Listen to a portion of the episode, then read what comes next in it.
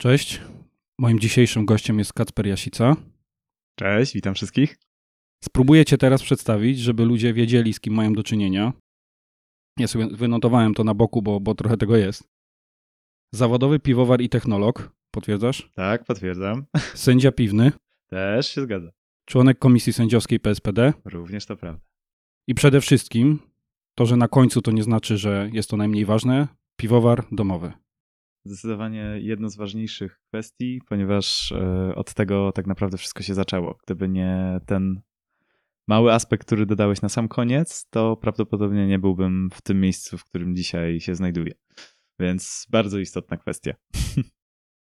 Zaprosiłem Cię dzisiaj, żebyśmy porozmawiali o tym, jak zacząć świadomie pić piwo, jak je degustować, jakie rzeczy mają znaczenie e, w kontekście takiej świadomej degustacji.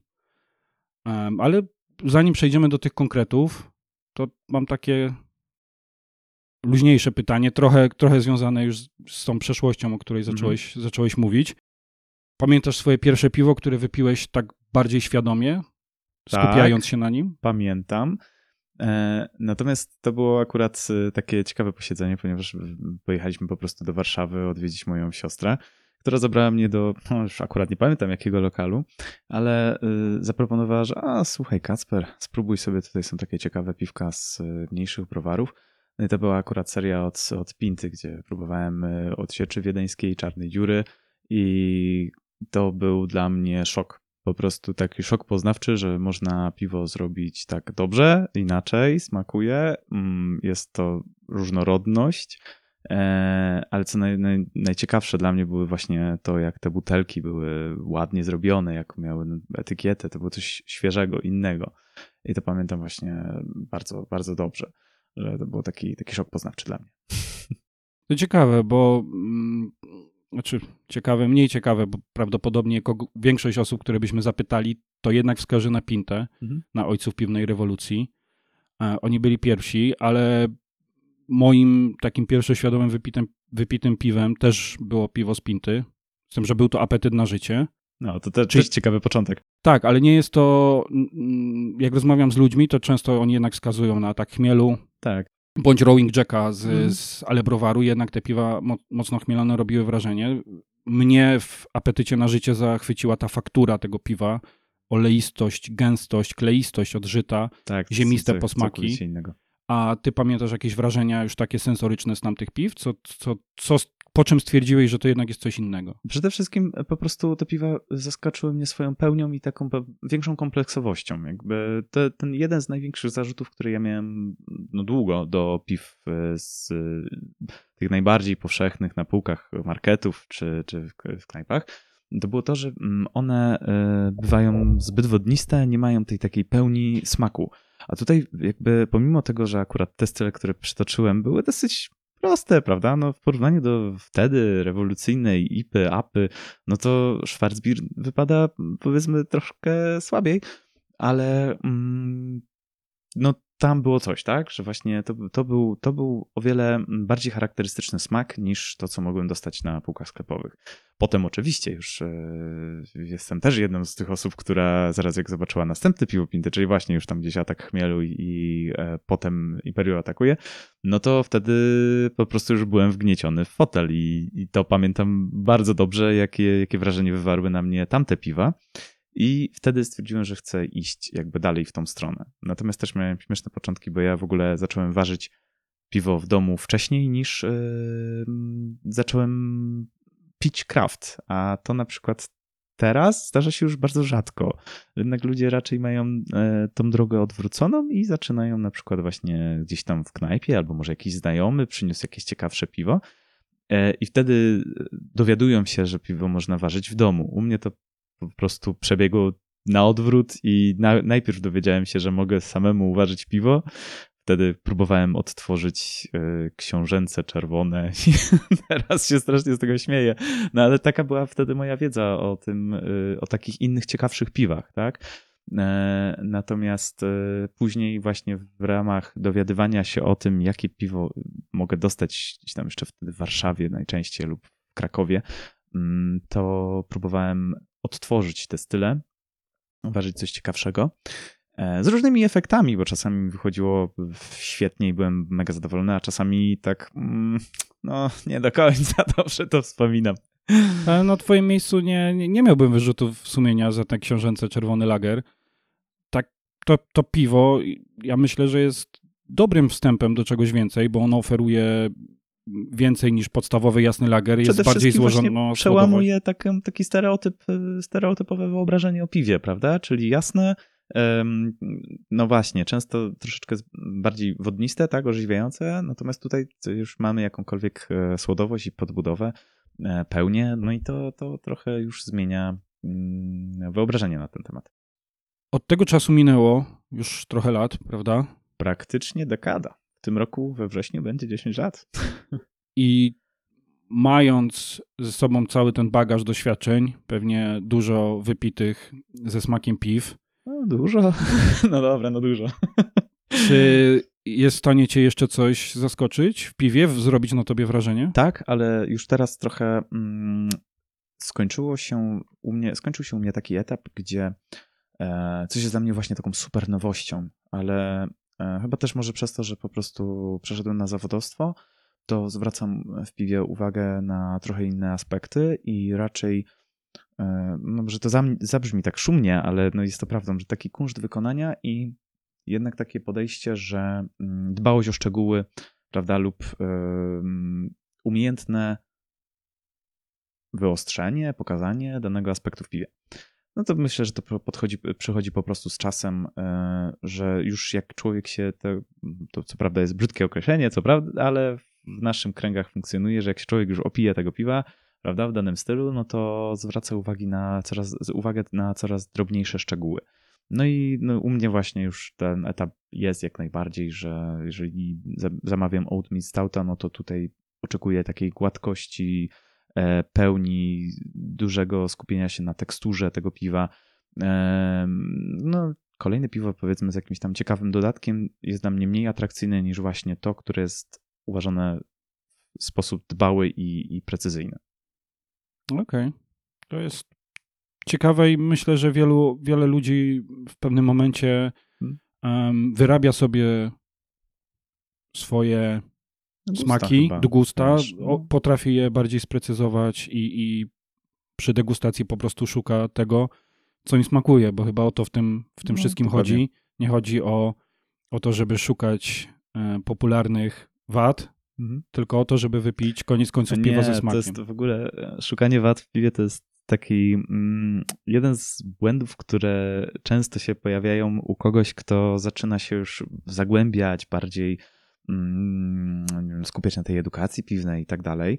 Jakby to jest trochę naturalny mm, tor działań, ponieważ jeżeli przeczytamy o jakiejś tam właśnie wadzie, skąd ona może wynikać i tak dalej, to chcemy ją poznać, chcemy się nauczyć ją wyczuwać, dostrzegać w tym piwie, przez co tym bardziej skupiamy się na tym, żeby szukać mankamentów w piwie. Natomiast mm, no nie wiem, mam nadzieję, że nie każdy musi podążać tą ścieżką tak dalej, żeby z niej wyjść później, e, ale no to jest taka prosta droga do etapu, w którym większość piw nam nie smakuje. Jakby nie mamy tej takiej przyjemności e, z, z spożycia, z, piw, z picia tego piwa. E, no i to jest mm, coś, co chciałbym odradzić, e, żeby właśnie skupiać się tylko na wadach e, w piwie, bo no jednak mimo wszystko to, to ma być dla nas też przyjemność. Ja się z tobą w 100% zgadzam.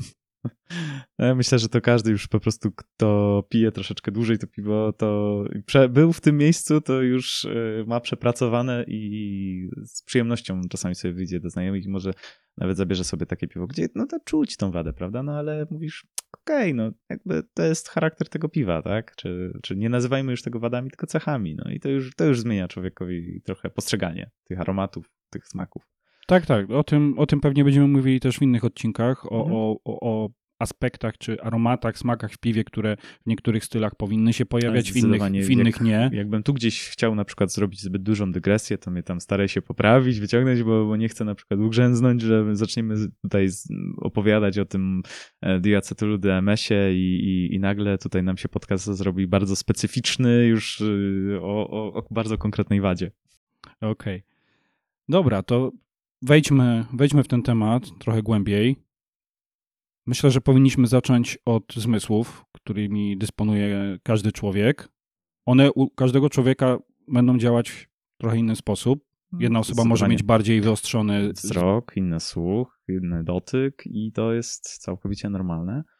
Czy zgodzisz się ze mną, że piwo oceniamy wszystkimi zmysłami? Tak, ja jestem zwolennikiem właśnie podejścia, że to jest y, multisensoryczne doznanie, co wielu osobom takim, która, które nie siedzą w tym temacie aż tak mocno, w ogóle nie przychodzi do głowy. Jakby w naszej kulturze jednak piwo jest y, czymś, gdzie wychodzi się po prostu na, ze znajomymi napić się tego piwa, jest to forma relaksu i coś, co raczej towarzyszy naszej rozmowie z, z drugą osobą, a nie jest mm, celem spotkania samym w sobie.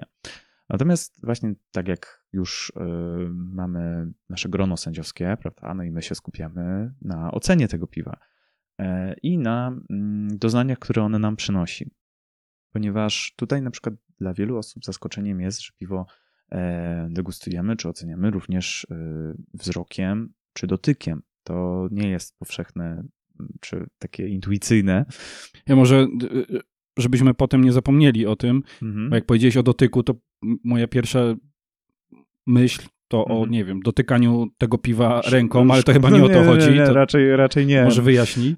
E, zabawnie by wyglądało, jakby przychodzili ludzie do pubu i, nie wiem, palec wsadzali do piwa, żeby poczuć bąbelki, prawda? No nie, nie, nie. Tutaj nie tylko, jeżeli chodzi o dotyk, to e, nie możemy myśleć jedynie o takim dotyku, jaki czujemy na właśnie rękach, palcach, na skórze, ale bardziej mamy tutaj na myśli to, jak na przykład bąbelki rozchodzą się w naszej jamie ustnej, to jak, e, jakie piwo ma teksturę, czy jest bardziej kleiste, mm, spójne, czy jest na przykład bardziej wodniste, prawda? To wszystko właśnie oceniamy poprzez zmysł dotyku. Bardzo polecam skupić się na tej e, cesze, ponieważ e, ona dostarcza po prostu nowych wrażeń i często mm, możemy przez to sobie otworzyć furtkę na Mm, próbowanie piw o zaskakującej właśnie teksturze, tak? Mam tu na myśli piwa chociażby z dodatkiem żyta czy owsa, które już diametralnie różnią mm, finalne piwo od tego, które jest zrobione na przykład na 100% jęczmieniu. E, mamy tą właśnie taką kisielowatość, oleistość, yy, skleistość od żyta i to jest bardzo ciekawe doznanie. Okej, okay, a co ze wzrokiem? W jaki sposób wykorzystujemy oczy do Paradoksalnie to jest też coś, co, co ludziom nie przychodzi na, na pierwszą myśl, a jednak mimo wszystko na przykład jesteśmy w stanie ocenić zmętnienie piwa, prawda? No już jeżeli jesteśmy przyzwyczajeni do perfekcyjnie klarownych piw, które niemalże, przez które niemalże możemy się przejrzeć, e, a dostaniemy nagle pszenicę, która jest absolutnie nieprzejrzysta, zmętniona, no to zwracamy na to uwagę. E, dodatkowo kolor. E, zaskakująca barwa czerwona, która na przykład u mnie, mm, to jest moje prywatne zdanie, że jest najbardziej efektowna w piwie i prezentuje się najlepiej. Ale tak samo, jeżeli oczekujemy piwa ciemnego, prawda, dostajemy brunatne, no to już tutaj możemy spojrzeć inaczej na to piwo. No, zapytać się przede wszystkim barmana, czy wszystko jest ok, bo może jednak nie jest, nie powinno no, tak, tak wyglądać. E, dodatkowo czasem w drugą stronę oczekujemy piwa bardzo jasnego, słomkowego, a dostajemy piwo, które no, tak troszeczkę wpada w taki karmel, mieć, no i tutaj też e, coś nam może nie grać, prawda? No i to, to warto dopytać też na przykład często barmana czy osobę, która nam podała to piwo, e, czy wszystko jest tak, jak powinno być, prawda? No, tylko dochodzimy zawsze do pytania, skąd mamy wiedzieć, czy tak powinno być. No i tutaj warto jest, y, jak się już y, zaczęło tą swoją piwną podróż i dowiadywanie się o, o, o tym, jak, co pijemy, poczytać sobie po prostu opisy stylów albo posłuchać o jakimś piwie. Czasami też warto przeczytać nawet etykietę na, na butelce piwa. Tak, to będą jeszcze te kwestie, o których, o których sobie później Dobra, powiemy. to nie będę tutaj przyspieszał wątków. Natomiast um, nie będę cię teraz pytał o zapach i smak, bo to jest takie...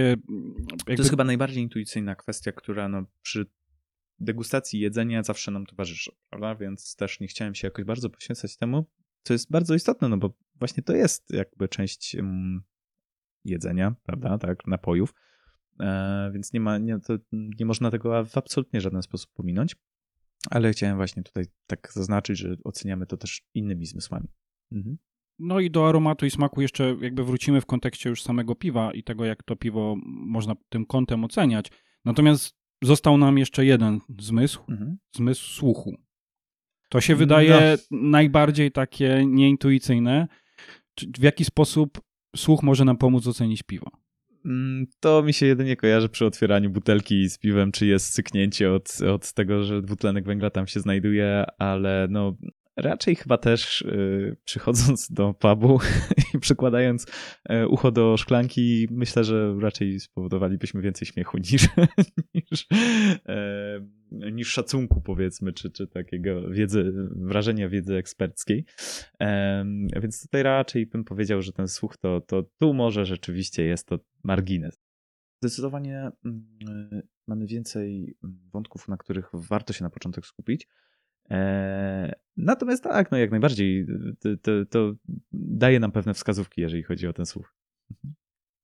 Zrobiłeś dobry segue do, do, do kolejnego segmentu, e, mówiąc o tym, że powinniśmy jednak w większości skupiać się na innych aspektach. Mhm. Mm, mieliśmy przyjemność e, w ostatnich dniach sędziować razem na konkursie, prawda? Mhm. Oj, tak, to była przyjemność. I powiedz mi, mm, w jakich aspektach można oceniać piwo? Na jakie takie główne kategorie sędziowie, czy, czy każda osoba, która degustuje piwo, może bądź powinna, w zależności od sytuacji, zwracać uwagę? Tutaj e, pozwolisz, że przywołam takie, taki podział, który my stosujemy właśnie przy ocenie piwa czyli na takie najbardziej istotne kategorie. Przede wszystkim zaczynamy od wyglądu, bo to jest jedna z rzeczy, która y, rzuca się na pierwszy właśnie rzut oka, tak? Śmiesznie, śmiesznie to brzmi, e, ale to widzimy jako sędziowie jako e, pierwsze. Gdy dostarczane są do naszego stolika próbki, to mm, przede wszystkim zwracamy uwagę na e, oczywiście odpowiednią barwę, spoistość piany, no i zmętnienie.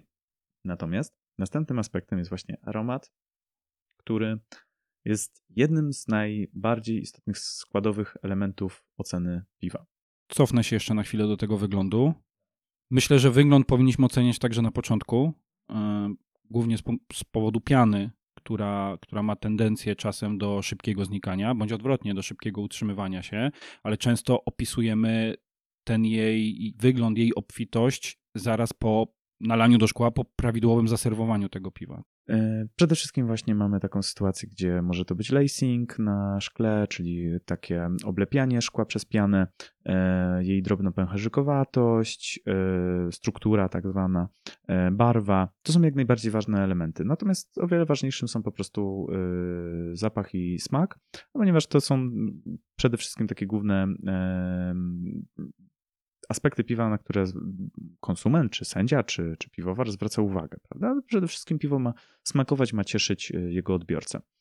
Czyli po ocenie wyglądu mhm. piwa, tak, jego barwy, tym jak wygląda piana, czy szybko tak opada, tak czy nie, jaki kolor ma piana, bo ona także mhm. potrafi mieć różny kolor, przechodzę do... Do już tutaj pierwsze powinny być um, pierwszy nos, tak zwany. Powinniśmy przede wszystkim powąchać piwo, po czym wziąć jednego łyka, żeby ocenić coś, co jest też bardzo istotnym elementem, a często nie zwracamy na to aż takiej dużej uwagi, jak nagazowanie, które również w trakcie oceny, czy w trakcie ogrzewania się piwa, gdy czeka ono na nasze, naszą mm, degustację, e, może się zmniejszyć.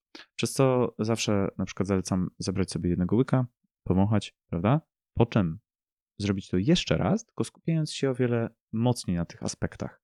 Czyli coś może zauważymy na samym początku, potem może nam to zniknąć, bo są takie e, no tutaj już często niepożądane aromaty, które po prostu są związane z siarką, która szybko się ulatnia w piwie i możemy na przykład później w trakcie degustacji tego już nie wyczuć, ale na początku może nam to uderzyć w nos, tak, sprawić, że poczujemy, lub piwo może się bardzo szybko rozgazować, tak, albo może być po prostu płaskie bez tych pęcherzyków dwutlenku. E, no i tutaj musimy prawda, zwrócić na to uwagę przy takiej ocenie.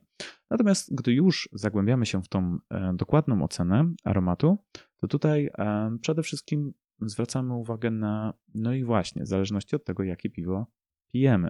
Jeżeli pijemy lagera o niemieckim charakterze, możemy zwracać uwagę na chmielowość, ale zdecydowanie będzie ona niższa niż w przypadku piwa zrobionego w stylu amerykańskiej IPy, czy APy, czy New Englanda, prawda? To są wszystkie te style są gdzieś tam skupione na chmielowości, ale mają totalnie inny profil i natężenie. Więc tutaj warto czasem, no czasem, jeżeli jesteśmy sędziami, no to zawsze, prawda, musimy oceniać piwo według e, stylu. Natomiast jeżeli jest to taka degustacja mm, prywatna, domowa, czy taka nasza osobista, no to tutaj po prostu też zwracam uwagę, czy czegoś mm, bardzo negatywnego nie wyczuwamy, bo są piwa, które no niestety czasem zdarza się, że mają takie aromaty, które nam e, podpowiadają, że nie powinniśmy próbować e, tego piwa, czyli jeżeli czujemy cokolwiek, co kojarzy nam się na przykład z apteką, z, no to są takie najbardziej z, kojarzące się z dentystą piwo, to prawda powinniśmy raczej sobie odpuścić e, próbowanie go. Czyli zmierzasz do tego, że aromat mhm. piwa może nas jednocześnie zachęcić do jego spróbowania. Oczywiście. Ale także może stanowić pewien sygnał ostrzegawczy. Uważaj, nie, lepiej tego nie rób. Okay. Natomiast nie chciałbym, żebyśmy się rozwodzili nad tą, nad tą złą myślę, stroną. Że... Mhm. Um, uznajmy, że piwo, które pijemy, mhm. zachęca nas zapachem do, do wzięcia łyka. Mhm. Już powiedziałeś, że ten pierwszy ma także znaczenie, żeby ocenić nagazowanie tego piwa, które ono będzie się zmieniać w czasie, mhm. ale przejdźmy do tej najważniejszej części oceny piwa, czyli oceny smaku. Mhm. Nie bez powodu to za smak na różnych konkursach y, przyznawane jest, jest najwięcej, najwięcej punktów. punktów, prawda? Tak, zdecydowanie tak. Co, co, co możemy znaleźć mhm. w smaku, jak, jak ważna, ważny jest to element? Mhm. Przede wszystkim e, oczywiście mm, skupiamy się tutaj na takich odczuciach jak e, troszeczkę podobnych jak w aromacie, czyli słodowość, śmielowość e, lub jakieś produkty fermentacji e, związanych przykład z produkcją alkoholu przez drożdże lub estrów, które dostarczają nam owocowych czy też przyprawowych w przypadku fenoli aromatów, to również możemy wyczuć w smaku. Natomiast jednym z e, najważniejszych aspektów oceny smaku jest e, to, czy piwo jest e, słodkie, czy, ma, czy wytrawne, czy ma odpowiedni finish, tak samo słodki czy wytrawny, jaki jest balans pomiędzy tymi cechami, czy ono ma, czy ono nam właśnie przeszkadza, czy, do, czy dostarcza pozytywnych odczuć. Tutaj rzeczywiście mm, dajemy temu piwu chwilę, dajemy się mu ogrzać w jamie ustnej, tak żeby jak najwięcej z niego wyciągnąć, ponieważ to, co jest istotne, też yy, może nie do końca, może to będzie jakiś news dla, dla części słuchaczy, którzy, którzy to usłyszą. E, natomiast nasz, nasze zmysły, czy nasz aparat poznawczy jest tak skonstruowany, mówię tutaj o jamie ustnej, że na końcu, gdy już połykamy piwo, to e, na końcu nosa są umiejscowione receptory węchowe, tak, chemoreceptory. I w momencie, gdy przełykamy piwo, ono jest już ogrzane i powietrze ulatnia się do tyłu naszej jamy nosowej, przez co my jeszcze raz możemy poczuć pewne aromaty, tak? Nie smaki, ale aromaty, które również wpływają na, naszą, na nasz odbiór tego, tego piwa. E, dodatkowo tutaj jeszcze wchodzi nam aspekt goryczki, który często, no to jest ten, teraz jak już mamy piwa naprawdę goryczkowe, to to jest e, jakby jeden z e, wyznaczników, że się wyraża oceny piwa. O, oj, z tą goryczką w dzisiejszych czasach to nie okay, przesadzaj. dobra, no akurat teraz tak. No. Bywała większa. Bywała większa, no tak. Jesteśmy w takim śmiesznym momencie, nagrywamy podcast, jak coś dla przyszłych pokoleń, mówię w 2023 roku, gdzie dal, w dalszym ciągu królują um, New Englandy, piwa słodkie, y, z niską, niskim poziomem goryczy, rzeczy.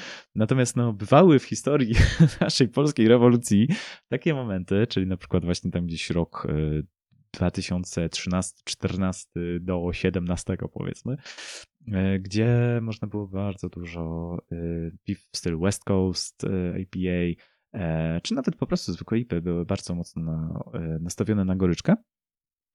No i to, to tak, to już tutaj weterani naszego świadka to bardzo dobrze to wspominają, pamiętają, E, natomiast e, to jest niezwykle ważny element e, właśnie w piwie, ponieważ balansuje nam tą, słodkość, słodowość, którą uzyskujemy mm, w smaku. Ja się na chwilę cofnę, bo powiedziałeś e, coś, co dla mnie już od jakiegoś czasu jest naturalne, ale przypomniałem sobie, mm. jak dużo to zmieniło, kiedy zacząłem na to zwracać uwagę, czyli właśnie na te aromaty. Retronosowe. Po, tak, mm. odczuwane retronosowo. Danie sobie tych kilku sekund takiego skupienia po tym, jak połknę piwo i wypuszczę powietrze z płuc przez nos. Mm i to jest ten moment, w którym jak się człowiek skupi na, na tym, co, co, co tam się na tych receptorach mm, w nosie osadza, osadza czy, czy się odczuwa, tak. to potrafi zmienić, zmienić bardzo wiele.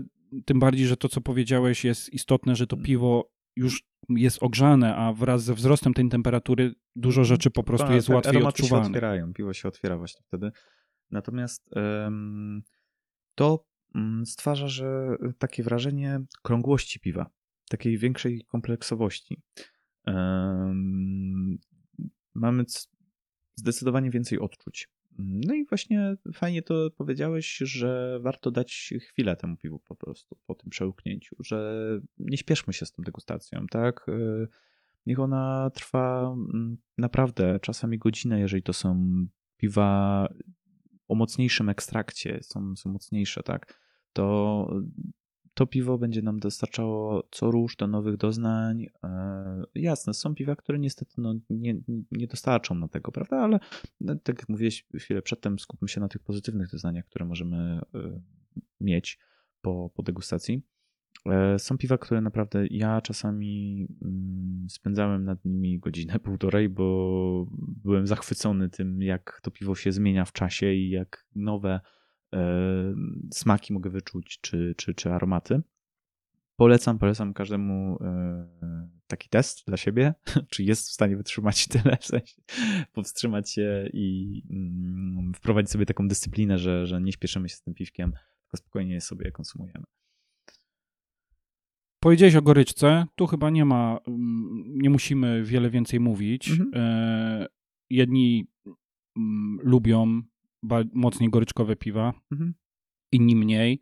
To jest mm, coś totalnie naturalnego i każdy po prostu musi sobie wyczuć swój styl, swoje gusta tak. i tak. Natomiast często w tych piwach takich najbardziej złożonych, najbardziej kompleksowych, to ta goryczka rzeczywiście ma, jej celem jest tak, balansowanie hmm. słodyczy na przykład, która, która bez tej goryczki tak. po prostu byłaby... Żebyśmy nagle nie dostali piwa, które nas muli i które nas po prostu y, nudzi po pewnym czasie. Tak. I został nam ostatni aspekt. Nazywamy to odczuciem w ustach. Tak jest. Co tutaj może się zadziać? Co to, możemy to poczuć? Wspomniałem troszeczkę mm, o tym aspekcie e, nagazowania i e, tym, o tym, że po prostu powinniśmy sobie zabrać tego łyka, żeby sprawdzić to nagazowanie. E, tutaj skupiamy się właśnie na tym mm, zmyśle dotyku i na tym, jakie piwo ma, jaką piwo ma teksturę, jaką pełnię, mm, jakie wrażenia e, ono dostarcza poza tymi smakowymi. Powiedz mi, o co chodzi z pełnią. Mhm. Ja miałem przez długi czas problem, żeby sobie to jakoś tak w głowie poukładać, czym ta pełnia tak naprawdę jest. Wspomniałeś wcześniej e, coś o krągłości, o, mhm. o, o mhm. złożoności. To gdzieś powoli za, prawda, zahacza. zahacza o tą pełnię. Powiedz nam, czym jest pełnia, no bo rzeczywiście ona jest jednym z dwóch podstawowych cech odczucia mhm. w ustach. Tak jest. Tutaj mamy jakby bardziej kompleksowe wrażenia. Jeżeli mamy mm, odczucie pełni, to w tym momencie to jest przeciwstawne do mm, wodnistości, prawda? Wodnistość to jest całkiem dobrym określeniem, ponieważ mm, to piwo po prostu tak mija i, i już nie mamy więcej e, odczuć z nim związanych, jest lekkie i to jest też y, pożądana cecha przy niektórych stylach, które są lżejsze, które na przykład y, wypijamy z przyjemnością w upalny dzień, ponieważ one nam dostarczają jakby takiego orzeźwienia. Natomiast w przypadku już troszeczkę bardziej kompleksowych y, piw, pełnia daje nam taki background, taki właśnie dodaje taką pełnię, pełnię kompozycji. Kurczę, nie chciałbym strasznie uciekać w takie doniosłe słowa, ale ono nam wypełnia e, całe to odczucie smaku. Żeby podać jakieś konkretne przykłady i tak, żeby sobie to gdzieś umiejscowić na skali, to no na pewno się zgodzisz, że koncernowy mhm. sklepowy lager to będzie piwo o niskiej pełni. Tak jest, dokładnie tak. E, na drugim końcu skali możemy jako piwo bardzo pełne e, umiejscowić e, imperialnego stouta bądź piwo w stylu barley wine. Tak, to jest już taki bardzo skrajny przykład, gdzie to się różni, ale to jest dobry. Mm, to, bardzo się cieszę, że to powiedziałeś, bo to każdemu, kto słucha, ładnie wytłumaczy, jak się nauczyć wyczuwać tą pełnię, tak? E, tylko natomiast tutaj mam ten jeden zarzut, że rzeczywiście te barley wine czy risy to, są, to jest bardzo skrajny przykład i mm, często e, taki konsument może troszeczkę nie być na to przygotowanym. Już o wiele lepszym e, przykładem jest nawet IPA, która ma troszeczkę, tylko wiadomo, pod swoje gusta trzeba wybrać jednak mm, nie aż tak mocno nachmieloną, ale tutaj ładnie już nam się pokaże ta wyższa pełnia. Tutaj zatoczyliśmy pewne koło, hmm. bo tak sobie teraz pomyślałem, że moglibyśmy mm, dla, dla, dla osób, które chciałyby zrozumieć, czym ta pełnia jest i najpierw stopniowo przechodzić przez piwa o wyższej pełni, hmm. wskazać przykład, który podałeś na, na początku rozmowy, książęcy mhm. czerwony lager. No tak, no to już e, tak. Nie, nie wiem, czy to jest dobrze, że skupiamy się tak mocno tak, na tym piwie. Też, też się zastanawiam, że kurczę, jakiś taki nam się zrobił tutaj e, haczyk w naszej rozmowie, do, do, którego gdzieś tam wracamy. Ale... Ale jest to bez wątpienia piwo o wyższej pełni niż y, y, jasny koncernowy tak, tak, lager, tak, prawda? Tak, A jednocześnie nie będzie to piwo, które y, swoją słodyczą, która jest jednym z głównych komponentów pełni, mhm. zalepi e, osobę, która ją pije. No, zdecydowanie tak. Okej, okay, zostawmy to książęce, spróbujmy już do niego nie wracać dzisiaj. nie, no, nie wiem, nie wiem, czy się uda. Nasza rozmowa się akurat tak toczy, że, że rzeczywiście gdzieś tam za rogu cały czas te książęce wygląda. Wiemy, jak powinniśmy podejść do oceny piwa. Mamy piwo. Kupiliśmy w sklepie, mm, jesteśmy w domu, jesteśmy y, w multitapie, czy na festiwalu piwnym. Powiedz mi, co najlepiej zrobić, żeby ta degustacja też była przeprowadzona w odpowiedni sposób, tak? Są, są pewne rzeczy, które, które mogą nam Warto pomóc. Spędzić. Tak, zdecydowanie tak. No i tutaj e, fajny aspekt poruszyłeś, bo wymieniłeś różne miejsca i e, naprawdę miejsce degustacji to jest jedna z e, ważniejszych rzeczy, na których możemy się skupić, ponieważ jeżeli chcemy prawnie piwo ocenić, to musimy się skupić na tym, żeby to było miejsce ciche, spokojne, z odpowiednią temperaturą otoczenia, żebyśmy się nie dogodali, jak na niektórych festiwalach piwnych czasami bywało. Natomiast zdecydowanie takie miejsce, które nam nie dostarcza dodatkowych e, aromatów typu kuchnia, prawda, coś smażone na oleju, to bardzo mocno utrudnia naszą ocenę. No i piwo po prostu pite w, e, ze znajomymi w pubie e, czasami wypada absolutnie inaczej z butelki z, po prostu pite w domu w spokoju w odpowiedniej temperaturze. Co byś poradził osobom, które mm, palą papierosy, czy to... No, rzućcie to, rzućcie to, to jest najgorszy nawyk, to jest najgorszy mm, nauk. Dobra, ale nie mamy tutaj, e, wiesz, naszym celem nie jest e, e, tak, tak, terapia, tak, tylko odniesienie tego trochę do, do degustacji. Popularne są też ostatnio różnego rodzaju e-papierosy, tak, które które wprowadzają do, do, do, do, do naszego organizmu, do jamy ustnej różnego rodzaju obce zapachy, bądź te przyjemne, bądź mniej. Ale co byś poradził w takiej sytuacji? Przede wszystkim tutaj nie chcę się wypowiadać jakoś bardzo mocno na temat papierosów, ponieważ nie mam jakiegoś aż takiego rozeznania, co tam w środku siedzi. Ja jestem osobą niepalącą, więc mam też jakby określone stanowisko w tym temacie ale e, jednym z największych problemów dla mm, osób e, jednak, które palą, to jest to, że mm, taki dym, nikotyno, dym mm, tytoniowy e, otępia troszeczkę zmysłu smaku i węchu.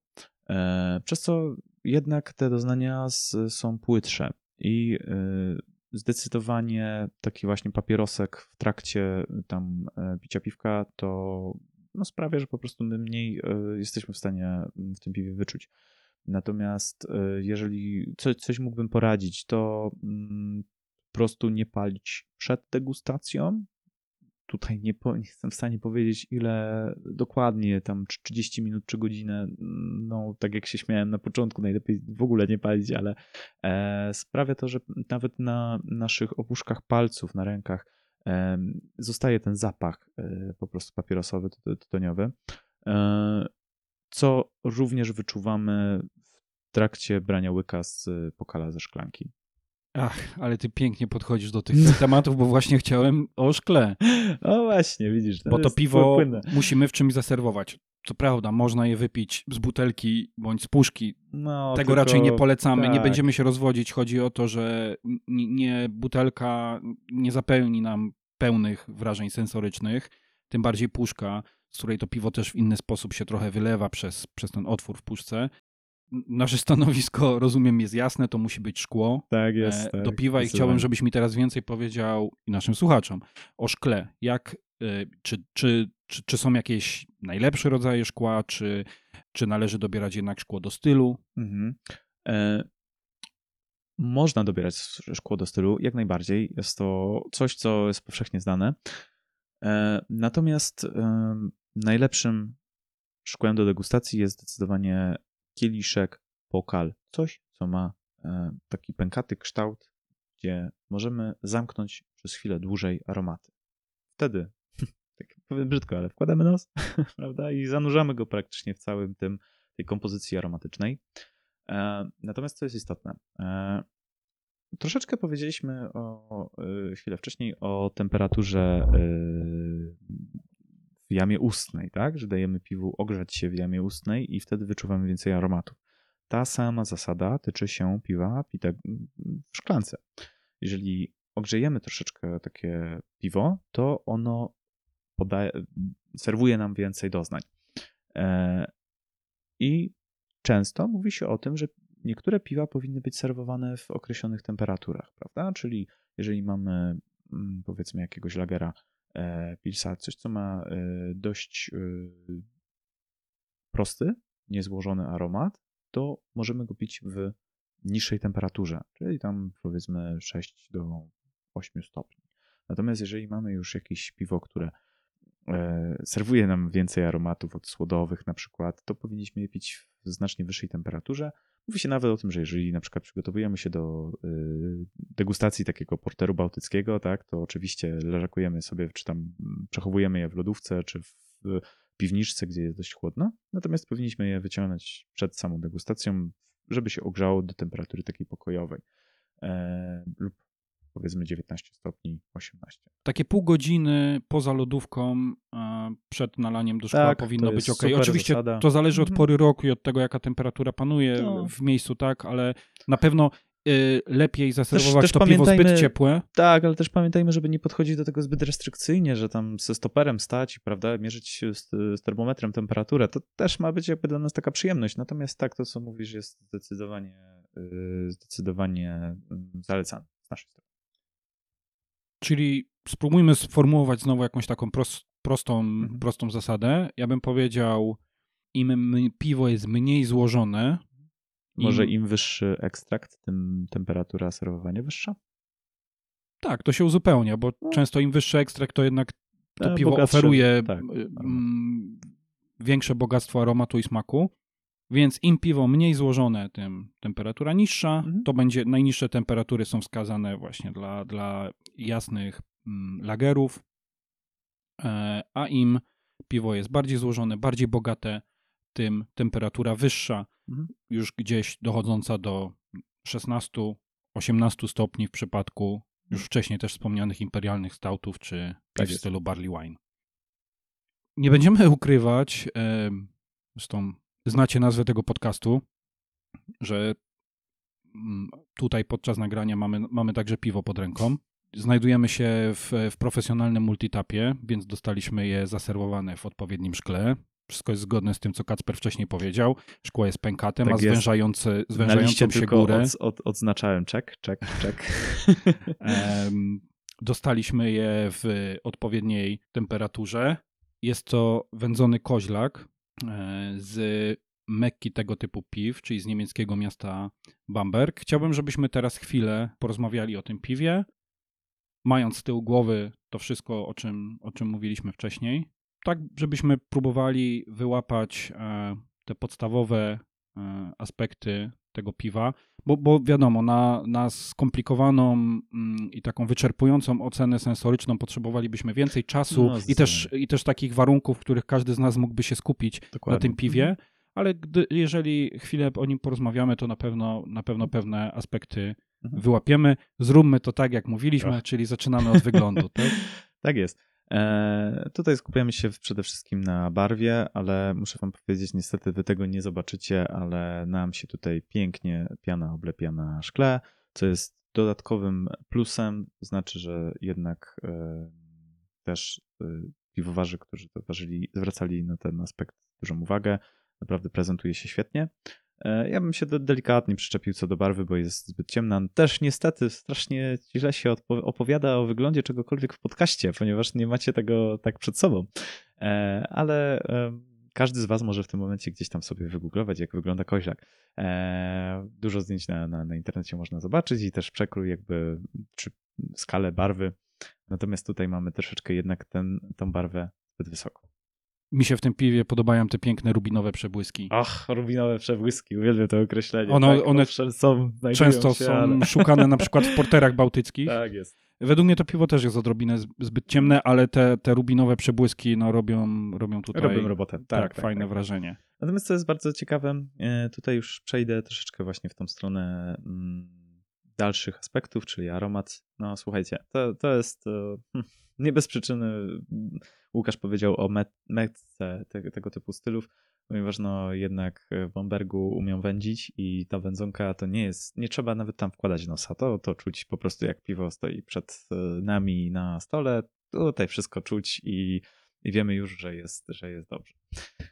Ale ja bym nie powiedział, że ono jest zdominowane przez aromaty wędzone, bo jednocześnie obok tej, mm, obok tych aromatów wędzonych jest złożona i bogata słodowość. Mhm. Tak. Mi ona kojarzy się e, z ciemnym pieczywem, e, z pumperniklem. Super to brzmi, jak jeszcze przełykasz ślinę, mówiąc o takim ciemnym pieczywie. Po prostu je- mi już sama y, ślinka leci na, na, na, na same te dźwięki i tak dalej. Ja, ja, więc- ja zjadłem śniadanie, nie wiem jak ty. ja też, ale. Chociaż o takim piwie moglibyśmy nawet powiedzieć, że jest Że jest tak. Na, Płynnym na śniad- śniadaniem, no, no, no, tak? Dokładnie. po aromacie Mhm. przechodzimy do smaku, tak? Tak. I e, tutaj to jest świetne, jeżeli mamy mm, korespondencję między aro- aromatem i smakiem, e, czyli mm, niejako aromat jest zapowiedzią tego, co możemy dostać w smaku. Tylko ten smak jest takim rozwinięciem, dopełnieniem. Tutaj już na e, pierwszym planie oczywiście jest wędzonka, tak? To, to nas uderza. No, nie da się ukryć jakby tego. Natomiast po chwili przychodzi nam o wiele bardziej kompleksowa, złożona słodowość, no, co jest ogromną przewagą tego piwa. Jeżeli ktokolwiek lubi mm, jednak te, te mm, bardziej słodowe style, no to dla niego to jest raj. I co ważne, to przed chwilą opowiadaliśmy o pełni. To piwo jest zdecydowanie pełne, kompleksowe i bardzo złożone. I warto to zaznaczyć. Mi się podoba finish w tym piwie. To jest wytrawny. Ja bym nawet powiedział, że taki półwytrawny, e, bo, bo tej słodyczy trochę w tym piwie jest, natomiast e, jest długi, e, wędzony, tak, można te, te aromaty i smaki wędzenia zostają w jamie ustnej na, na długo. Między kolejnymi łykami może minąć nawet kilka minut, a gdzieś, gdzieś to jednak ciągle tam zostaje i, i to buduje taki fajny efekt, że można przy tym piwie spędzić pół godziny, ciągle jakby będąc z tym piwem de facto, tak? Tak. Bo, bo gdybyśmy chcieli Ono je dostarcza pochłonąć... naprawdę dużo, dużo wrażeń, jeszcze zwłaszcza jak mm, w trakcie degustacji ono się ogrzewa, to tak jak mówiliśmy przed chwileczką, dostarcza nam o wiele większych wrażeń. Tak. To jeszcze chyba zostało nam nagazowanie i goryczka. Co byś tak. powiedział? E, goryczka dla mnie jest na takim porządku poziomie. Mógłbym odrobinę chcieć większą, ponieważ rzeczywiście, tak jak też wspomniałeś, ono jest słodowe, jest y, troszeczkę według mnie ta goryczka jest za mała, ale umówmy się, to jest na, na granicy, że tutaj bym tak naprawdę mógł odrobinę tylko to poprawić. E, Natomiast e, nagazowanie jest rzeczywiście niskie, ale to sprawia, to sprawia, że to piwo tym lepiej się pije, prawda? To o tym warto czasem wspomnieć, że w Polsce mamy tendencję do tego, żeby piwa jednak były nagazowane, były takie bąbelkujące, gdzie na przykład w Anglii już jest totalnie inne podejście i mm, jednak e, więcej piw jest lane z keska, czyli tam nie ma dodatkowego dwutlenku węgla, nie są nagazowane, co sprawia, że możemy po prostu tego piwa przyjąć więcej. Mm, no, nie, że się tak brzydko wyrażę, nie beka się. nie czuje się człowiek taki e, wypełniony tym, tym właśnie tym gazem. Tak, to jest istotne. Ja do, do rozmowy, na przykład takie jak teraz tu prowadzimy, preferuję piwa nisko nagazowane, mhm. które, które nie wypełniają żołądka tym, tak tym, tym, tym gazem. Natomiast są piwa, w których wysokie nasycenie jest bardzo wskazane. Zdecydowanie e, tak. Bo, bo ich rolą jest na przykład y, gaszenie pragnienia, one mhm. są lekkie i, i to z kolei to nasycenie dodaje po prostu kolejną warstwę do tego piwa. Gdyby one było nienasycone, to wydawałoby się płaskie mhm. i troszkę nijakie. Tak jest. Pełna zgoda, Łukasz. Czyli smakuje ci to piwo, tak? Tak, tak, nie, to ja jestem wielkim w ogóle fanem Shankari, także tutaj nie, nie ma co. Yy, naprawdę. Każdemu polecam, tylko też na wstępie zaznaczam, że to nie jest entry level i to nie jest piwo dla każdego. E, moja narzeczona jest świetnym przykładem tego, że jednak te wędzone piwa mm, no ciężko są raczej przyjmowane, więc na to trzeba się odpowiednio przygotować, zdobyć pewne doświadczenie i dopiero wtedy spróbować lub właśnie w drugą stronę nabyć sobie też tego doświadczenia, próbując jednego e, z piw, który jest skrajne na tym spektrum bo to też jest prawda, że te piwa wędzone to jest pewna skrajność. Tak. Ja, to, to, będzie tylko taka drobna dygresja, ale ona jest w kontekście tego, co Kacper mówił, dość ciekawa, że w profesjonalnych multitapach możecie poprosić o próbkę piwa, nie musicie od razu zamówić pół litra tak. piwa. nie no. ukrywajmy, te piwa nie są najtańsze przeważnie, ale barman taką próbkę w kieliszku na przykład zaserwuje i można sprawdzić, czy jest to coś dla ciebie, czy, czy chciałbyś spróbować więcej. Polecam być y, otwartym na to, ponieważ no naprawdę yy, nie ma sensu się męczyć y, z, z, dużym piwem, które nam nie smakuje, a to jednak zabranie sobie takiej próbki mm, no, sprawia, że, że ten wybór jest pewniejszy. Tak. Zapytałem cię, czy ci smakuje, bo chcę przejść do kolejnego segmentu, w Aha. którym e, chciałbym cię zapytać, skąd ja mam wiedzieć w ogóle, że piwo ma smakować tak albo inaczej. Mhm. E, dla mnie takim podstawowym kryterium, które polecam wszystkim, to jest właśnie przede wszystkim to, czy mi smakuje. Tak, wypiję jest. piwo, jeżeli dobrze się z nim bawiłem, mhm. dobrze z nim spędziłem czas, to ono jest ok.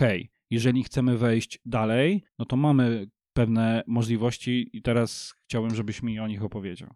Tak jest. Słuchajcie, moi drodzy słuchacze, to jest y, to, co Łukasz przed chwilą powiedział, to jest świętość, czyli przede wszystkim nasze własne preferencje są najważniejsze. Jeżeli piwo smakuje, to je pijemy. Jeżeli nie smakuje, to tyle. Nikt nie, nie powinien nam mówić, e, co powinniśmy pić i, i, i tak dalej. E, zdecydowanie to ma być też czas, który poświęcamy na przyjemność i, i już. Mm, natomiast yy, tak, to, to są pierwsze takie wskazania. W tym, w tym momencie wyrabiamy sobie preferencje, tak? Nawet w przypadku już zawodowych sędziów, profesjonalnych sędziów. ważne, zawsze nas się e, organizatorzy konkursu pytają o nasze preferencje do, do danych stylów, ponieważ na przykład ja e, lubię sędziować e, piwa w stylach wodzących się z Wielkiej Brytanii, natomiast no, mam kolegów, którzy specjalizują się w piwach dzikich czy, czy belgijskich, prawda? No i y, każdy z nas ma większą tam wiedzę właśnie w tym swoim zakresie. E, natomiast drugą taką wskazówką, gdzie możemy szukać odpowiedzi na to, czy nasze piwo, które właśnie w tym momencie pijemy, jest dobre lub niedobre, lub właśnie E, żeby sobie wyrobić jakoś, jakieś tutaj zdanie, to są opisy stylów, które możemy znaleźć teraz powszechnie już w internecie, bo to jest taka nasza wielka międzynarodowa praca e, społeczna właśnie sędziów. E, sędziów i nie tylko też tak naprawdę, bo po prostu piwowarów i ludzi, którzy, którzy po prostu są hobbystami, żeby opisywać piwa, które piją i mm, szukać cech charakterystycznych. Im więcej piw powstanie w danym stylu, o danej charakterystyce, wtedy możemy coraz częściej mówić, że to jest na przykład odrębny styl, który wywodzi się z znów innego na przykład stylu. Dlatego mamy wariacje na temat właśnie wcześniej już przytoczonych wielokrotnie e, IPA, mm, ponieważ te wariacje nagle stały się na tyle mm, dalekie od pierwotnego stylu, że już trzeba nazwać to no, nowym stylem piwa. E, I co jest też fajne, to mm, szukanie takiej drogi, mm, żeby do, do, do nauki takiej oceny, czy, czy właśnie mm, szukanie, jak piwo powinno smakować, to są rozmowy w takim gronie, które też się tym interesuje. Jest wiele inicjatyw, większości co prawda w dużych, w dużych miastach na razie, ale y, jednak możemy spotkać takie grono, które e, jednak tym piwem się zajmuje i trochę więcej poświęca czasu na to, żeby je oceniać. E, tam też można znaleźć w bardzo prosty sposób e, jakieś mm, wskazówki, tak? Czy to piwo jest no właśnie dobrze uważane, dobrze zrobione i tak dalej. No przede wszystkim takie społeczności jak czy to skoncentrowane na bitwach piwowarów domowych, czy to na Polskim Stowarzyszeniu Piwowarów Domowych. Naprawdę wystarczy wpisać jedną, drugą frazę w e, internecie i mamy szereg wyników, które nam pokazują, gdzie najbliższym na nas punkcie możemy znaleźć no właśnie grono osób, które nam pomogą jakby dowiedzieć się więcej na ten temat. Okej, okay. znowu spróbuję, żebyśmy znaleźli jakąś taką prostą, prostą radę powiedzmy, że kupiłem w sklepie bądź mm, w pubie e, owsianego stauta, mhm. który też już nam się przewinął w trakcie tej rozmowy. Mm, mogę wpisać w Google mhm. na przykład owsiany stout bądź oatmeal stout, tak jak to brzmi po, po, po angielsku. Więc w zależności od tego, w jakim języku wpiszemy nazwę stylu, może nas odesłać po prostu do anglojęzycznych źródeł bądź polskich. E, to już pozostawiamy ten wybór Wam. Dokładnie. Kto się lepiej czuje. E, często, jak to niestety no, w naszych y, czasach bywa, że jednak te materiały, które możemy znaleźć w języku angielskim są bardziej obszerne, dokładne, no, aczkolwiek no, my również w Polsce staramy się tutaj e, dogonić e, naszych kolegów z innych krajów i no i jednak pogłębiać tą, tą wiedzę i dostępność do tej wiedzy powszechnie w, w naszym ojczystym języku. Uważamy to za dość istotne. No i my też sami przecież z tego korzystamy, prawda? Tak jest. A co byś powiedział na coś takiego, żeby spróbować upolować piwo w tym stylu, ale które jest takie uznawane za ikoniczne, za mhm. wyznacznik pewien. Wy, pewien wyznacznik, tak? To piwo, które my dzisiaj pijemy, mhm. wędzony koźlak e, ze Schlenkerli, mhm. to jest ikona stylu. No tak, no. Wiele piw na, na świecie próbuje dorównać Właśnie temu piwu. Temu. Mhm. Z pewnych względów nie zawsze im się to udaje, ale to jest taki. No, jak najbardziej. Słuchaj, no przecież jestem piwowarem zawodowym i, zawodowym i też yy, nieraz no właśnie u mnie tak wygląda ta droga, zanim yy, pojawi się w mojej głowie jakiś pomysł na dane piwo, to właśnie wychodzę sobie z znajomym gdzieś tam do multitapu, zamawiam piwo, próbuję i mówię, a kurczę, super, ten aspekt jest świetnie tutaj ukazany, ten też zasługuje na pochwałę, ale tu bym na przykład coś poprawił, prawda? No i właśnie staram się znaleźć jak najwięcej piw w danym stylu, tak żeby wyhaczyć, kto zrobił to troszeczkę inaczej i komu to wyszło lepiej. No, to jest, to jest bardzo dobra droga do tego, żeby właśnie na przykład y, ćwiczyć y, swoje umiejętności oceny piwa, tak żeby właśnie wychwytywać różnice pomiędzy nimi. I jasne, tak jak powiedziałeś, taki wyznacznik stylu jest świetny, prawda? No bo od czegoś się to wszystko zaczęło od czegoś jest. E, no i to zazwyczaj jest dobra wskazówka, jak się, jak poszerzyć swoją wiedzę na temat, na temat danego stylu. To powiedz mi tak, gdzie byś, gdzie byś szukał takich piw, które moglibyśmy uznać za piwa wzorcowe, czy niemal wzorcowe, bo wiadomo, mm. każda, każda warka piwa może być troszkę inna, tak, ale przeważnie te ikony tak, stylu... To warto w ogóle zaznaczyć też, że rzeczywiście, tak jak mówimy na przykład o konkretnych rocznikach w przypadku wina, co ma swoją, swoje podłoże po prostu w zbiorach winogron, że w jednym roku klimat jest troszeczkę inny, czy pogoda jest troszeczkę inna, mm, w następnym inna i jednak mm, wina zrobione z winogron, które były zebrane w danym roku smakują inaczej niż na przykład w przyszłym albo w poprzednim, to w przypadku piwa y, mamy do czynienia z taką samą zależnością, ale per warka. Po prostu każda warka może być delikatnie inna od y, poprzedniej na przykład. E, więc tak jak zapytałeś e, się przed chwilą, gdzie szukać e, takiego piwa, to ja zawsze odsyłam ludzi, którzy zadają mi takie pytania, do sklepów specjalistycznych, ponieważ to jest najpewniejsza droga do tego, żeby dowiedzieć się więcej,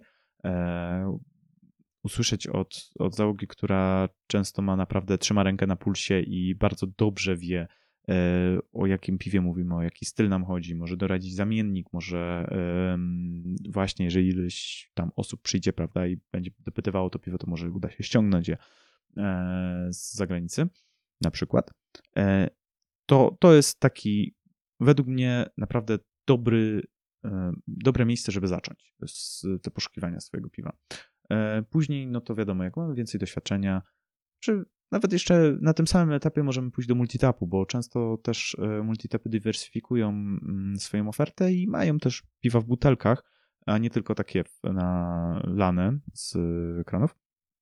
I to jest też dobry, mm, dobre miejsce, żeby, żeby, żeby szukać po prostu takich e, wyznaczników stylu. No tylko tak jak trochę wcześniej nabąknąłem, E, jednak ta ocena w pubie różni się od tej oceny w, w domu. No i zdecydowanie ja osobiście polecam taką, taką drogę, żeby sobie zacząć od tych buteleczek kupowanych w sklepie specjalistycznym i trochę przeżywanie tego piwa samemu. Tak, są bogatsze te doświadczenia. Okej. Okay. Chyba wyczerpałeś temat Mówisz, kompletnie. że cię przegadałem? E, dodam tylko, że w takim sklepie specjalistycznym, dobrym sklepie specjalistycznym, mhm. to przeważnie będą piwa z całego świata. No tak. To Czechy, jest... Niemcy, Belgia, mhm. Francja, Stany Zjednoczone. Tak, tak. Już teraz tak. Mamy naprawdę taki przekrój, tak, tak dużo dostępnych piw. Nawet zdarzają się ze Słowenii, z Rumunii, co jest dla nas na przykład totalnie egzotycznym kierunkiem i którego my nie kojarzymy z e, miejscami, gdzie to piwo może być, e, czy poziom piwa może być na wysokim poziomie. No a są, są browary, które naprawdę ważą piwa na światowym poziomie, no i, i mamy je tak naprawdę na wyciągnięcie ręki. Okej. Okay. E, spróbowaliśmy piwa. Chcielibyśmy robić to na dłuższą metę coraz bardziej świadomie. Mm -hmm. Jak to trenować? Och, Powiedz mi. Chyba najprzyjemniejsza po, poza... część, prawda?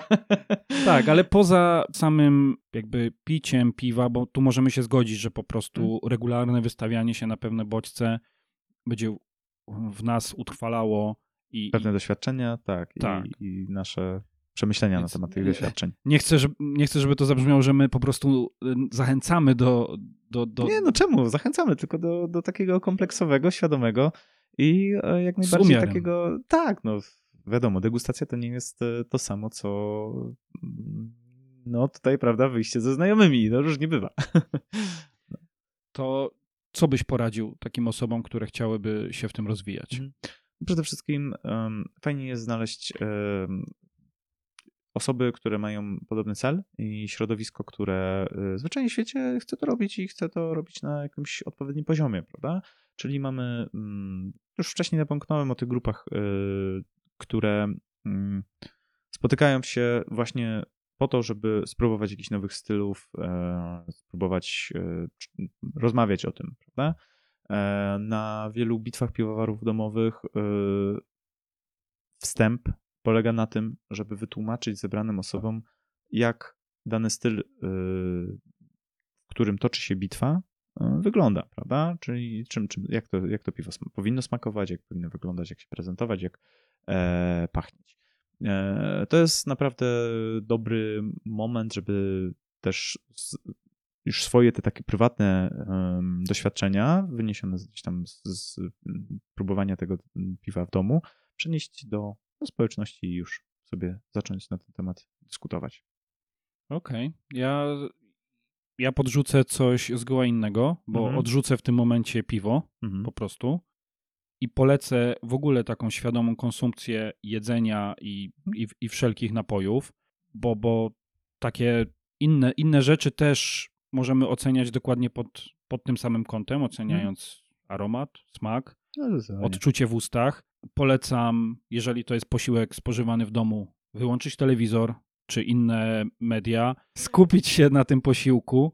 Jeżeli to będzie dla przykładu rosół, tak, to też możemy e, poczuć jego zapach, ocenić smak, czy jest bardziej słony, mniej słony, bardziej słodki. Możemy określić odczucie w ustach, mhm. czy, czy ten rosół e, jest tłusty i przechodzi po naszym podniebieniu bardzo gładko. Kacper się teraz śmieje bardzo. Tam, tak, bardzo. Ja często w ogóle e, tłumacząc na przykład osobom, które przychodzą do nas do pracy, jak mają na przykład postrzegać niektóre dodatki do piwa, to paradoksalnie też używam tego czy tego porównania z, związanego z rosołem. Natomiast no e, tak, no zawsze znajdziemy jakąś dyscyplinę, na której możemy się bardzo mocno skupić i e, już tutaj szlifować szczegóły i zagłębiać się w to coraz mocniej i mocniej, prawda? E, Rosół jest akurat bardzo fajnym przykładem. Nie umiałem na szybko znaleźć lepszego. Domyśliłem się, widziałem ale... na twojej twarzy, że, że, że jest, jest główkowanie, co by tutaj ciekawego ten wyciągnąć, ale też z drugiej strony nie ma sensu chyba szukać jakichś wymyślnych przykładów, tylko uderzać do tego, co ludzie kojarzą najbardziej. Tak, i to dotyczy każdego, każdego jedzenia. No dokładnie tak. Mi to, mi to, mi to wiele dało. Skupienie mm. się na jedzeniu, tak. tym bardziej, że coraz częściej też świat jedzenia, bym powiedział, i świat piwa się przenika, bo w piwie są używane tak, różnego rodzaju dodatki owoce, y, warzywa, przyprawy, zioła. Tak, warto, warto na przykład rzeczywiście zwrócić na to uwagę, ile się dzieje teraz na tej scenie kulinarnej, prawda? Ile mamy nowych restauracji, które albo pokazują nam nową azjatycką kuchnię, albo w drugą stronę robią polską kuchnię na nowo. I to jest ten sam praktycznie mechanizm, który dzieje się w przypadku piwa, tak? odkrywamy swoje style na nowo, typu grodziskie, typu porter bałtycki, prawda? Które teraz święcą, no jednak renesans swój e, i zdobywają też e, nowe rynki za granicą i piwowarzy z e, Ameryki Południowej zaczęli ważyć piwo grodziskie. No to jest coś, o czym ja nie śniłem jeszcze te 10 lat temu, prawda? To jest, to jest niesamowite. I warto y, skupiać się na tym, co robimy na co dzień, bo y, to po prostu sprawia, że mamy bogatsze doświadczenie. Powiedziałbym jeszcze o jednej rzeczy. Ona już będzie przeznaczona dla takich osób, które prawdopodobnie wykonały już e, trochę pracy mhm. albo chcą wejść w to naprawdę bardzo głęboko, e, czyli szkolenia. Mm, my możemy polecić szkolenia sensoryczne organizowane przez PSPD. Tak, to jest y, coś, co według mnie jest dla troszeczkę y, jednak bardziej doświadczonych osób, tak? No, trzeba już się w miarę okrzepnąć e, w takich stylach, tak? Wiedzę o tym, e, że mamy stauty, ipy, lagery, mm, ale, portery, grodziskie i tak dalej i już zacząć się skupiać na E, szczegółach, które możemy do, wyczuć w piwie i skąd niektóre aromaty wynikają, prawda? No bo zdecydowanie wiele tych cech ma swoje podłoże w, na przykład w procesie, procesie technologicznym. Tak, dlatego nie bez powodu mówimy, mówimy o tym na końcu, jako ten aspekt dla, dla najbardziej zaawansowanych. Dla najbardziej wytrwałych. Wytrwałych, tak, którzy dotrwali też... Przesłuchali do cały odcinek. Tak, ale te, tego typu inicjatywy są, e, można e, je znaleźć obserwując na przykład profile e, oddziałów terenowych Polskiego Stowarzyszenia Piwowarów Domowych, bądź znaleźć takie informacje też na, na stronie PSPD. Ostatnia rzecz, Kasper, to mhm. jest taki stały element e, programu. Mhm. Jak te wszystkie rzeczy, o których dzisiaj mówiliśmy, odnoszą się do piwa domowego? Czy piwo domowe pod kątem degustacji różni się jakoś od piwa rzemieślniczego? E, pod kątem degustacji absolutnie nie. Natomiast pod kątem oceny są pewne aspekty, które się różnią. Natomiast, e, co jest bardzo ważne, to musimy sobie uświadomić, że e, to jest ten sam proces, tylko czasami mamy do dyspozycji inne, inny sprzęt lub inne warunki. W browarze, który się specjalizuje e, w produkcji piwa, no mamy trochę większy wachlarz możliwości. Natomiast w przypadku piwa domowego, no niekoniecznie, tak? Różnie bywa z możliwością e, fermentacji w odpowiedniej temperaturze, czy kontrolą te, tej temperatury i całych innych aspektów fermentacji. Natomiast warto w moim odczuciu nie bać się, e, jeżeli jest się piwowarem domowym, e, pokazywać swoje piwo innym do oceny, dawać je do oceny. Tylko trzeba zwrócić uwagę na to, że po prostu to piwo domowe na przykład może być trochę bardziej mętne, tak? Może barwa troszeczkę się nie zgadzać, wychodzić poza granicę. Takich rzeczy nie oceniajmy tak surowo jak w przypadku piw komercyjnych. Nie ma to sensu. E, I nie jest to istotne, tak? Tak jak zaczęliśmy naszą rozmowę od stwierdzenia, że po prostu y, pijmy to, co nam smakuje, co sprawia nam przyjemność, no tak i w tym wypadku. E, jeżeli piwo domowe, a uwierzcie mi, naprawdę piwa domowe mogą sprawiać ogromną przyjemność i bardzo smakować, e, no i jeżeli to robią, no to, to tutaj się już naprawdę nie czepiajmy. No, potrafią sprawiać dużą przyjemność. Oj, tak. Wspomnę tutaj po raz kolejny konkurs, y, w którym ostatnio Mhm. sędziowaliśmy i ocenialiśmy piwa domowe. Co ciekawe, był to konkurs komercyjny, czyli to e, browar komercyjny, rzemieślniczy był zainteresowany recepturami piw y, domowych. No i niektóre piwa robiły du- Robotę. Tak, to duże jest wrażenie. Zdecydowanie, mm, jako że mam ten background zawodowego piwowara, to nieraz łapię się za głowę, że wow, ale niesamowite rzeczy, niesamowite smaki, e, świetna technika, prawda, zrobienia danego piwa. E, jak ktoś to osiągnął w domu, to jest autentycznie czasami duże zaskoczenie. Po czym rozmawiam z piwowarem domowym i uświadamiam mnie, że zrobił to w jakiś taki właśnie totalnie prosty sposób, na który ja nie wpadłem. I, i gdybym nie porozmawiał z nim, nie, nie wypił tego piwa, no kto wie, pewnie bym nie wpadł na to. No. To jest w ogóle piękne w piwowarstwie domowym, że nie ogranicza nas pra- prawie nic, bo skala nasza Tak jest tak jest. mała, że no pewne koszta po prostu, nawet gdyby piwo miało nie wyjść, Są warte poniesienia nawet pod kątem tego, żeby sprawdzić, jak to będzie smakować. tak, No. browar rzemieślniczy no nie zawsze może sobie na to pozwolić. Tak jest. Już nie mówię o większym, większej skali, prawda? No tutaj już mamy bardzo restrykcyjne procedury tego, co, co możemy wpuścić na linię produkcyjną, a co nie. tak. prawda? Na tym właśnie konkursie mieliśmy okazję próbować piwa z poziomkami i u- użycie poziomek e, w domu wydaje się jeszcze możliwe, ale ciężko mi sobie wyobrazić użycie poziomek w browarze rzemieślniczym. Tak, tak, zdecydowanie myślę, że, że to by nie było proste. Ile, Kacper, byś potrzebował poziomek na, na tank piwa? No właśnie się Kilo- zacząłem zastanawiać, jak, jakbym wyglądał zbierając poziomki w lesie, czy tam w innym miejscu. 200 kilo? A, chyba więcej. Więcej. No, no, żeby to jeszcze tak fajnie wyszło w tym piwie, myślę, że, że więcej. No i, no i widzicie, no nie? Czy widzicie, słyszycie, że yy, to, są, to, są, to są takie, takie małe przewagi e, piwowarstwa domowego, które są ciekawe, no i ile mamy na rynku e, dostępnego piwa poziomkowego? No mało, a możemy sobie zrobić. Także polecam taką drogę. To jest piękne zakończenie, myślę. Tak, piwo poziomkowe jest dobrym zakończeniem. Tak. I jest niedziela, kiedy to nagrywamy, 14. Ten rosół chyba w głowie mi się nie wziął z niczego, Mhm.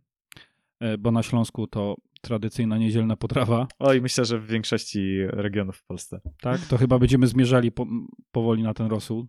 Jestem za. Przekonałeś mnie.